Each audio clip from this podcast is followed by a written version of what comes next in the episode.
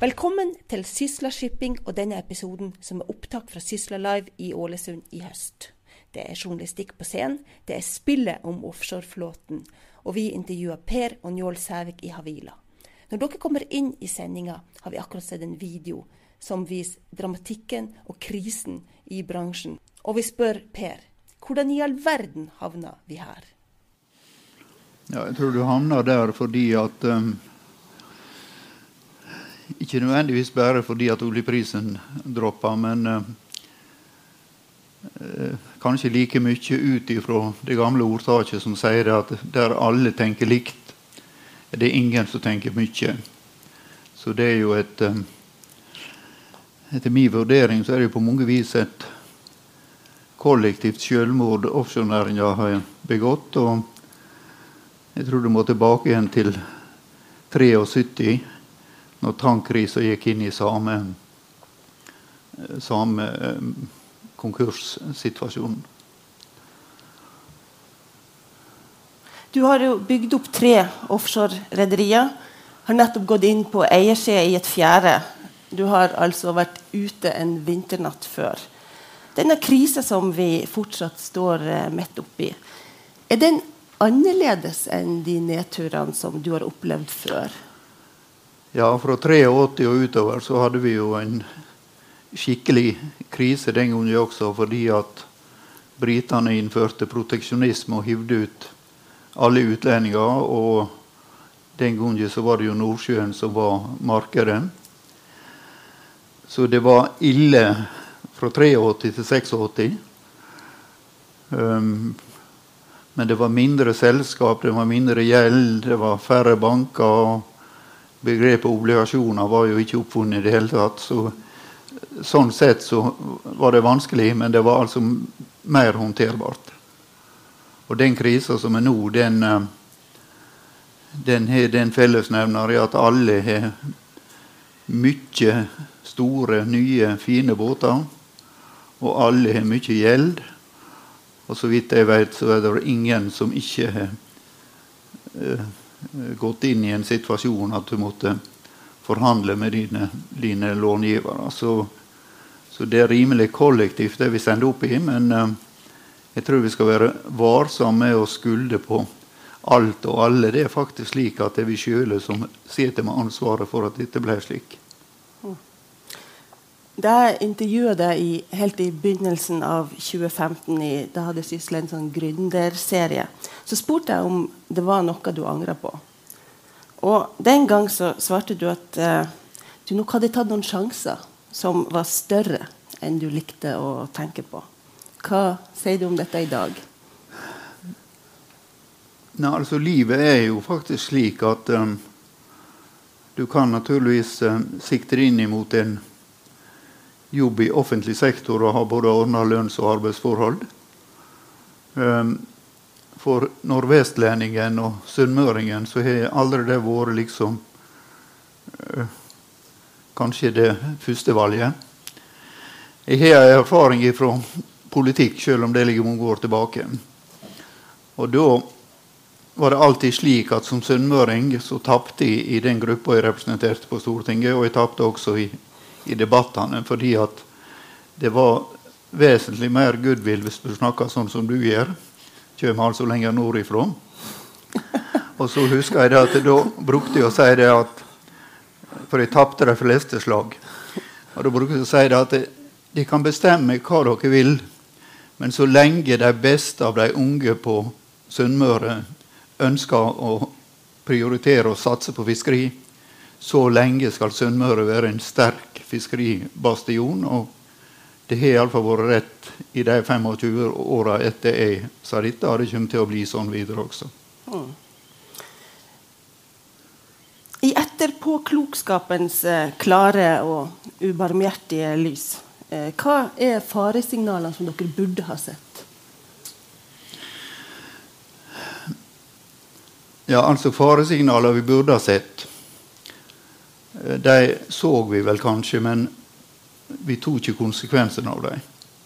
Og det er klart at Dette er ikke bare offshore-rederier som sitter med et ansvar.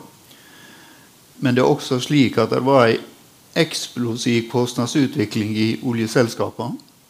Og du hadde en, en situasjon at jeg tror du hadde krasja selv om ikke oljeprisen forsvant. Fordi at i oljeselskapene så, så det iallfall ut for oss på utsida at så lenge du kan trekke fra 78% på skatten, så var det liksom ikke kostnadene så farlige. Og så vet vi det at de fikk et um, kostnadsnivå som gjorde at det var nesten ingen felt som var lønnsomme å bygge ut. Så at vi totalt sett har hatt veldig godt av denne situasjonen vi har vært gjennom, det tror jeg ingen må prøve å benekte. Men hjelpe meg hvor vanskelig og tøft det har vært. Du gikk jo av som styreleder i Havila bl.a. fordi at du ville ta din del av ansvaret for det økonomiske uføret som eh, selskapet var havna i. Syns du det er rart at ikke flere har tatt dette ansvaret i, det tenker jeg, i andre rederi? Nei, altså Det vil ikke jeg ha noen oppfatning om. fordi eh, jeg tror var det nok med å feie for sin egen dør. Men uh, for meg så var det iallfall slik at um, jeg følte et betydelig, og føler et betydelig ansvar for den situasjonen vi har bringa våre aksjonærer opp i. Våre obligasjonseiere, og delvis også våre banker. Nå er det slik at det er ingen som kan stå på utsida av, av de som har vært med på dette og rope 'Korsfest, korsfest'. For vi har alle altså et ansvar, inklusiv bankene.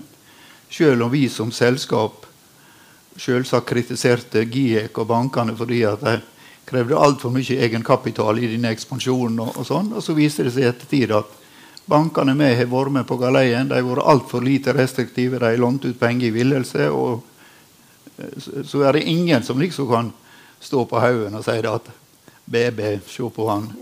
For, for, for, det er altså noe som fra Ildar Sætri i Statoil og til oss alminnelige småkorsfolk på Vestlandet har et felles ansvar for. Ja, det var eh, Tida før dette så var det jo en eh, boom uten like. Så ble det bråstopp. Men det er ett område der aktiviteten eh, har vært og er frenetisk. Eh, det er jo det som handler om eh, forhandling av gjeld, restrukturering. Havila starta tidlig, holdt på lenge.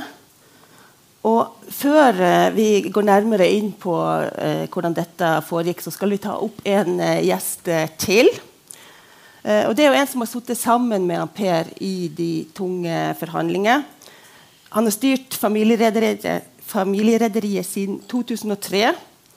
Og som ikke det skulle gi svingninger nok uh, for en mann, så i fotball så hold, holder han med Liverpool. Ta vel imot Njål Sævik.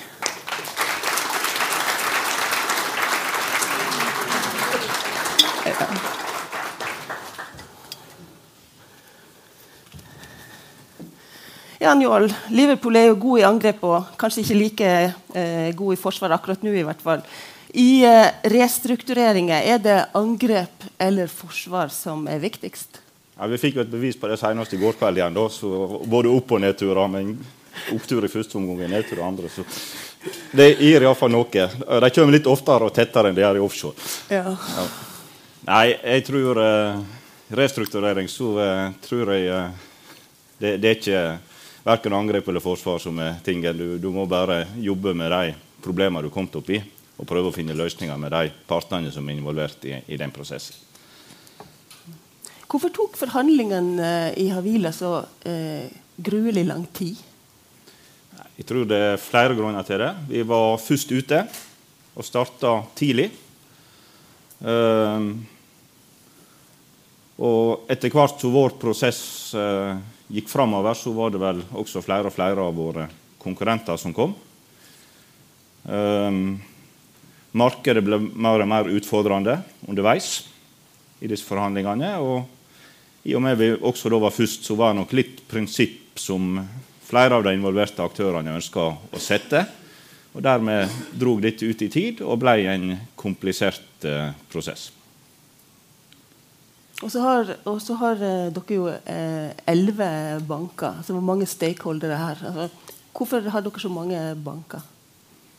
Nei, det ble jo sånn gjennom den ekspansjonen som du hadde både med kjøp av, kjøp av brukttonnasje og, og, nybygg, og behov for finansiering som en del av det. Og, og dermed så satt vi med, med, mange banker. og det er klart eh, da, er det en stor bankgruppe som skal enige, og så er det de andre som også er involvert i restrukturering. som skal enige. Så det er klart det, det gjør det mer komplisert. og når du sier restrukturering, så kan du nok si at det er altfor mange. og så kanskje når du var med på den veksten som var, så har du behov for det. Og det er vel også et likt bilde for næringa generelt.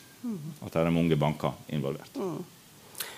Hvem av dere har uh, lyst å uh, fortelle hvor mange penger dere har brukt på restrukturering? Altså hvor mye uh, penger prosessen har kosta dere siden forhandlingene starta?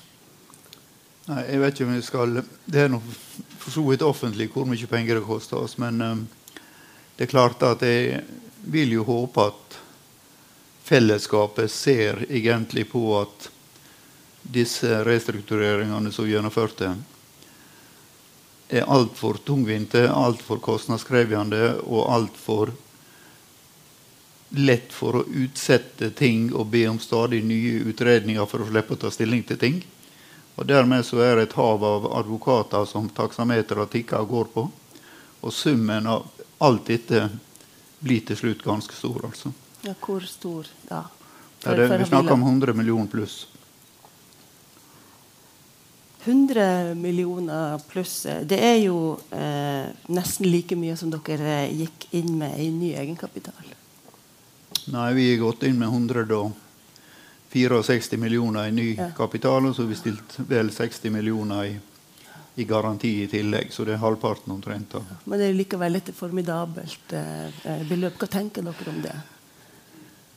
Ja, altså etter, etter, min mening så er det klart en prosess som dette som tar så lang tid, og med så utrolig mange involverte, så, så, blir det mange timer av det. Og advokattimer er jo ikke akkurat gratis. Så eh, jeg håper jo det at også banker og Tom Hestnes og co.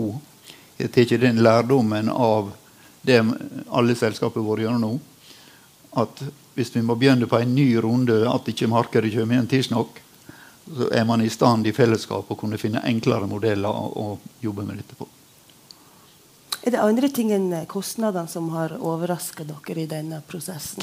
Hva, hva var vanskeligst? Nei, altså Det vanskeligste er naturligvis det enkleste på den måten at å finne en felles forståelse av situasjonen og greie å finne en løsning som gjør at alle elleve bankene pluss alle andre er passe misfornøyde. For det er ingen ideelle løsninger i en sånn situasjon. Det, det blir snakk om kompromisser og, og, og, og nær sagt det minst smertefulle. Jeg tror jo det at når Havila Shipping også utreda og brukte ganske mye penger også på det, et reelt konkursalternativ, så var det fordi at dette så såpass vanskelig ut at man på et tidspunkt erkjente at kanskje er en konkurs eneste veien. Men eh, altså i en konkurs så er det iallfall ingen eh, som eh, kommer godt ut. Og det har de heller ikke gjort i, i dette tilfellet. Uh, underveis fikk dere jo kritikk uh, fra obligasjonseiere. De har tapt penger. Men uh, dere har også mange lokale aksjonærer som har litt tap. Hvordan oppleves det? Nei, Det føles ikke greit verken nå eller 83 til 85 første gangen. For da var det utrolig mange av våre naboer og, og venner som hadde satsa på det. Og, og, og det er ikke greit. Men obligasjonseierne vil jeg også kommentere litt. Fordi at det er greit når renta i bank er tilnærma null, at du kan gå inn i obligasjonsmarkedet og gjerne få 7-8-9 Og Det ser jo veldig flott ut. Men naturligvis så har det det motstykket at man undervurderer risken i dette. For å få åtte ganger bankrente, da tror jeg man også skal være klar over at det ikke er helt risikofritt, det man går inn i. Så vil jeg gjerne si det at obligasjonseierne også er en del av dette bildet. Og det skulle bare mangle ikke Tom Hestnes og andre eh, obligasjonsforvaltere var opptatt av å berge mest mulig av sine penger. Og så sitter de sånn i en vanskelig situasjon en plass imellom aksjonærene og bankene.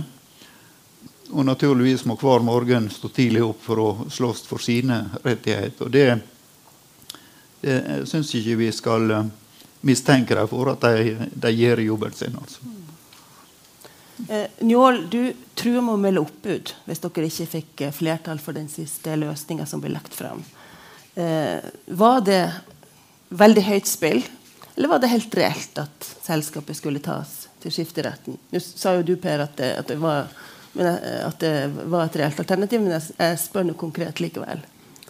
Nei, det var et uh, veldig reelt alternativ. For uh, de to-tre siste dagene når vi har siste mulighet å få på plass et, den totalløsninga der det til slutt hang på obligasjonseierne, så har vi klar beskjed fra bankene at hvis ikke den løsninga kom i hop, så var ikke det alternativ, og da har alternativ vært skifterettig. Så, så det, det, var et høyst reelt alternativ. Og det var nok også et alternativ som var uh, høyt på bordet flere ganger, også tidligere i prosessen.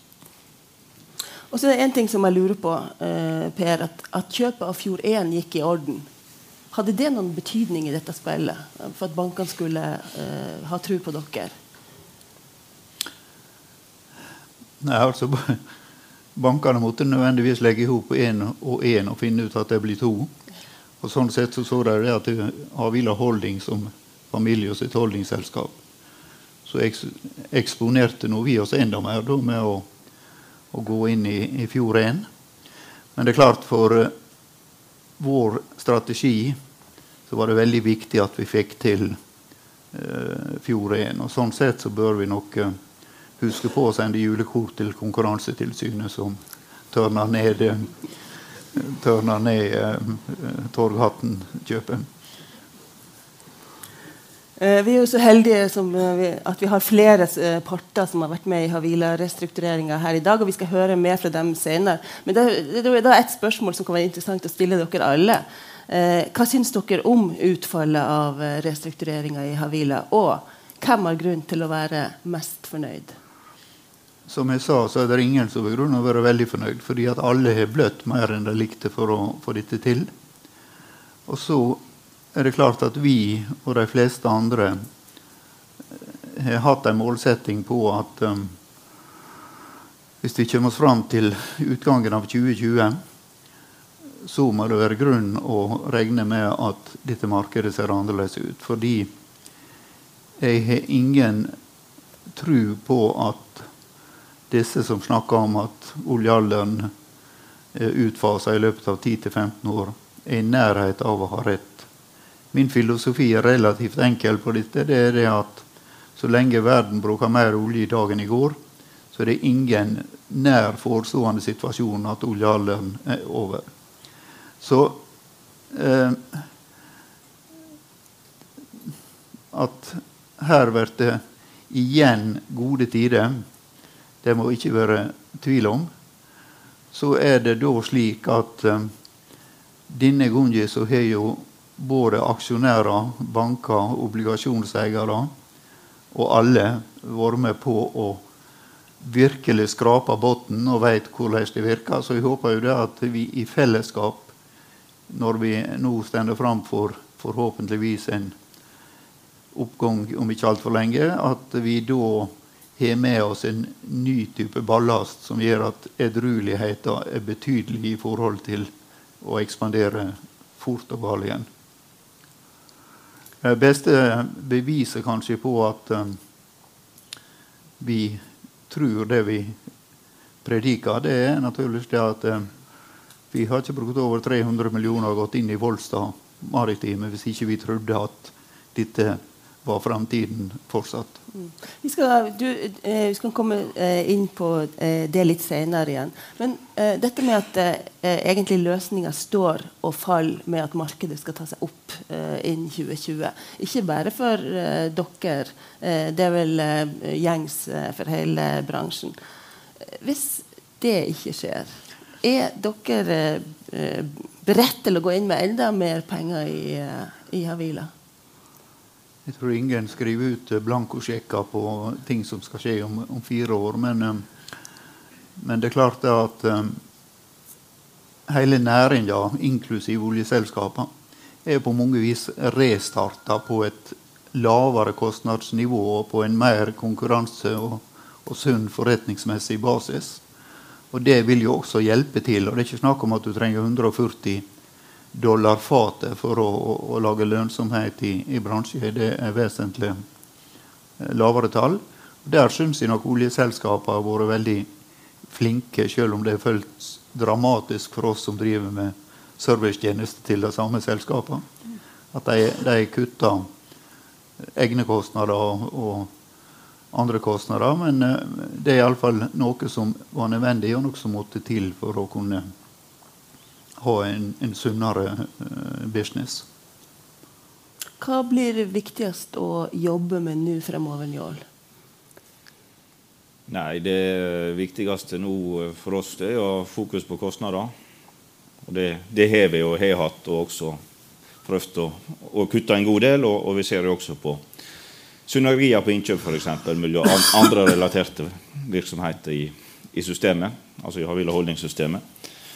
Og så eh, er jo da få tak i de jobbene som er der, som våre båter kan gjøre. For markedet er sånn som det er, og det er ikke godt nok, og det er ikke det for noe, men uh, vi må gjøre det beste å få ut av det. Og det er også kanskje av de mer frustrerende tingene når du sitter restrukturering, at det som du virkelig burde styre med, sånn som tidene ble, det får iallfall ikke toppledelse anledning til å, å, å prioritere. Men eh, det er vel også en del av slike prosesser. Og, og når dere satt der, så ble jo også eh, situasjonen langt verre. Det skjedde jo dramatiske ting liksom, i det året som eh...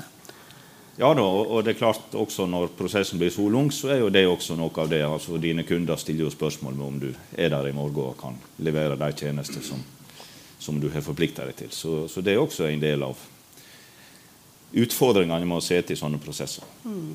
Spilte det noen rolle Dere er børsnotert uh, og, og et rederi som det er stor interesse for. Spilte det noen rolle at en del av dette i hvert fall foregikk i det offentlige rom? Ja, det er litt problemet med å være et public-selskap. At alt som du holder på med, blir i offentlighetens søkelys. Ja, vi syns det er helt topp. Og, og sånn, hvor vanskelig ting er. og sånn sett så er det også en, en balansegang, fordi du må være opptatt av å fylle spillereglene, selv om du av og til skulle ønske at du kunne dukke under radaren og på den måten uh, ha litt annet fokus. Men, men, det er klart det betyr at det var jobber som vi kanskje normalt sett har fått som vi ikke fikk. Og, og det er klart noen av våre eksisterende kunder benytta også den usikkerheten til å prøve å, ja, prøve å oppnå ting som de egentlig ikke hadde rett på. Ja, fikk de det, da? Nei, stort sett ikke. Mm. Du har sagt også Njål, at, at, dette ikke er en nedtur, det som vi har vært gjennom, det er en kollaps. Og at ingenting vil bli sånn som det var før. På hvilken måte har Havila et annet rederi nå enn det har vært eh, tidligere? Nei, altså, når jeg sier det er en kollaps, da det er klart det er to, to tre, fire faktorer som er viktige der. Vi, vi kommer jo fra tidenes opptur, og 2014 er vel toppåret på investerte milliarder på norsk sektor, f.eks. Så får oljeprisfall, så får du korrupsjonsskandale i Brasil. Av 350-400 båter var en fjerdedel norske i Brasil. Så, så, det er klart du får alt på en gang. Og, og, og dermed så eh, jeg betegna det som en kollaps i stedet for en, en, kraftig nedtur. Og markedet forsvinner, og, og ja, du sitter med for mye gjeld, og, det er jo det som gjør at vi kom der vi, vi er. og det er jo litt sånn at uh, Selv om du har tidenes opptur, så tror jeg hvis du skulle liksom forberedt deg på denne, her, så har du iallfall gjort altfor lite butikk uh, fram til 2013. Det som også er litt situasjonen for Havila Shipping, er jo det at det er et relativt ungt selskap. Det var jo etablert i 2004. Jeg bruker å si til våre ærede banker at vi fikk levert siste nybygg i desember i 2012. Og dere har iallfall vært med på å finansiere utrolig mange båter etter den tid. Så eh, det understreker litt dette med et felles ansvar som vi alle har. Men, men det er klart at å bygge opp et selskap såpass hurtig.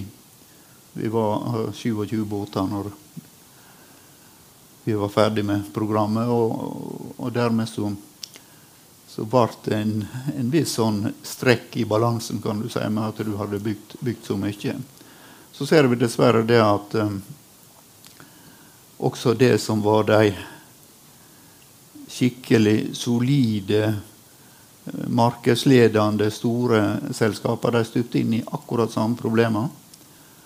Og um, vi ser jo nabobygget her at det er jo til min mening en tragedie for, eh,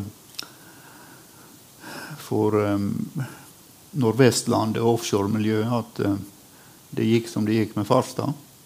Og så kan man spekulere på med et Solstad-Farstad på 154 båter med en eier i Skudersnes med 7,2 hvor lenge det vært en distriktsrederi det, eller det kommer til å havne nede på Bygdøy, det skal ikke jeg ha noen oppfatning om. Men det er nå engang slik at det er makta som, som, rår. Hvor viktig er det for dere å, å beholde kontrollen? Og, eh, beholde styringa og ha hovedkontor i Fosnavåg? Altså det er viktig på den måten at så små selskap som de fleste av disse offshorerederiene så kan det være spist før frokost hvis du er et åpent selskap. Så for oss som bor der vi bor fordi vi vil bo der, og prøve å skape aktivitet og arbeidsplasser der, så er det klart at dette med kontroll det er ikke, det er ikke fordi at det i seg sjøl er så viktig, men det er viktig i forhold til butikken og virksomheten. At skal du ha uh, sikkerhet på dette, så må du være her i, i eget hus. og det vet vi at det har sin pris i form av aksjerabatt på børs og, og litt sånn, men uh, det er iallfall slik vi tenker, og så får vi se ved neste korsvei hva som da skjer. Men neste korsvei, da kan alt skje? Nei, det spørs hvis vi uh, er friske og opplagt og er der for å feite, så kommer vi til å være villige til å ta et års forhandlinger en gang til hvis det er nødvendig. Du har jo ligget i trening, så det eh, Og så bare en eh, Njål, du sa i fjor høst at du eh, var temmelig sikker på at 17 kom til å bli vanskeligere enn 16. Og det hørtes jo Det var jo eh, ikke så veldig optimistisk å si da, for det, det så jo ikke særlig bra ut da. Eh, men det, dette stemte jo. Ja, og det stemte. Og eh, det ble rett. Nå har jeg nok jeg er blitt overraska to ganger, for det var en god periode i spotmarkedet i april, og så var det god på ankerhandling i juli-august, og på PSV har det egentlig vært bra fram til nå. Så, så, det har vært litt bedre nå en periode enn det. Men, men altså 17 som år i helhet blir jo et mye tøffere år enn 16 var. Og Det henger jo også ihop med at en del av de kontraktene du hadde, går ut, og de nye du da eh, inngår, de er jo da på lavere nivå enn det du hadde. Og Det ser vi jo på, på tallene deres så dere, dere må legge frem. Ja. Eh, helt eh, til slutt eh, tenkte jeg eh, Per, jeg tenkte du kunne fortelle litt eh, mer om eh, hvorfor du fortsetter troen, og hvorfor dere satser 300 millioner på det som skal bli et nytt og stort subsea-selskap på Sunnmøre. Nei, altså det er jo såpass enkelt at Volsa Maritim Vårhaug er et godt og veldrevet selskap. Et av de selskapene som har greid seg best gjennom uh, den nedturen som har vært. En moderne tonnasje og et godt management. Havila Shipping sitter kun på tre subsea-båter. Tre subsea-båter tror vi kanskje er for lite for å, å være en eller være en betydelig spiller i framtida. Og sånn sett så vil vi nok se at det er behov for kanskje å få tenke litt annerledes på, på dette. Dette er ikke noe som skjer um, i det korte bildet, men altså i et litt lengre perspektiv så må ingen være forundra om, om, vi tenker i, i de banene. Så er det iallfall vår vurdering at um, markedet over svømmes av eh, PSV-båter. Det er tilstrekkelig med enkelhandling. Og sånn sett så har vi tro på at med den stryping som oljeselskapene har gjort på vedlikehold, så er det kanskje subsea-markedet som raskest kommer tilbake igjen. Og at det er der som blir mye arbeid framover. Og, og um, i det bildet så mente vi at å komme inn i Volstad Maritime var fornuftig. Og igjen så er det iallfall grunn å understreke at um, satsinga i Volstad Maritime er såpass betydelig for um, vårt familieselskap at uh, uh, det er iallfall med å understreke at vi har tro på næringa framover. Ser du på andre ting? Det er jo snakk om både hurtigrute og forskjellig. Ja, da, vi ser på masse ting. Vi hadde, tre, vi hadde tre møter bare i går om forskjellige ting, så det mangler ikke på det. Er det, er det noen konkrete planer som du har eh, lyst til å dele med oss her? Nei.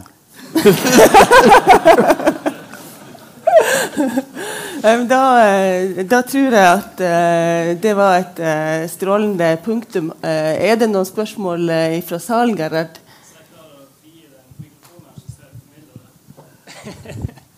Thank you. Ja, det er ett der. Um, dere var først ut med restrukturering. Um, og det var flere eksperter som spådde at det, det, som skjedde med Havila, kom på en måte til å bli malen for det som da skulle skje i de, i de restruktureringene som kom etter. Hvordan, I den grad dere merka det, hvordan merka dere det her fra innsida?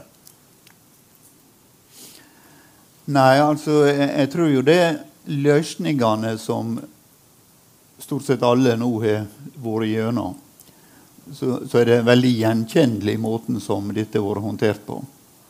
Tom vil sikkert mene at obligasjonseierne har betalt en altfor høy pris for å få dette til, men, men det er nå engang slik. og eh, Den som har betalt høyeste prisen, det er naturligvis aksjonærene, i form av at de er stort sett utraderte og måtte ha tilført ny kapital. Og det vet jeg dessverre altfor godt, for vi sitter, jeg tror vi sitter i styret i fire-fem forskjellige selskap, og modellene lik alle plasser. Det er vekk med egenkapitalen, tilførsel av nye penger, og så finner du en avtale med bankene da, som er sånn halvgod eller omkring det. Jeg skal ikke gå veldig dypt inn i det, men altså, er, det noen, er, det så mange andre måter å gjøre det her på? Nei, det er vel ikke det. Restrukturering lykkes vel når alle, alle involverte parter er passelig misfornøyde. Det er det lykkes med restrukturering. Og alle ser at det er en fordel å finne en løsning. Ja. For det også må til. Jeg uh, var litt spent på det at dere går inn i, i Volstad Maritime, og så sitter dere med kontrollen i, i Havila. Altså, muligens et dumt spørsmål, men uh, hvorfor ikke tenke sammenslåing, f.eks.? Jeg har en livsfilosofi som er veldig enkel, og den går på at det jeg sier, det skal folk lite på er riktig eller rett. Men dermed så har jeg ikke sagt alt de vet. det, det er ofte lurt. Da er vi gjennom det som uh, jeg hadde her. Uh, vi har litt tid igjen. Jeg, jeg, kjenner at jeg har veldig lyst til å vite mer om hva som skjedde opp mot det tidspunktet der den børsmeldinga går ut om det dere da omtalte som alternativ B, uten å si i klartekst vel da hva alternativ B var første gangen. Det, det var altså da det, man tror om et konkurs? Rett og slett? Ja, fordi at det var såpass enkelt at det virka å være vanskelig å finne ei løsning som alle kunne være med på. Selskapet var i en situasjon som gjorde at styret hadde egentlig begrensa handlefrihet pga. situasjonen. Og alle vet at å åke inn fordi at man driver på kreditorenes regning, det er ikke noe man ønsker, iallfall på vårparten når du går mot sommer.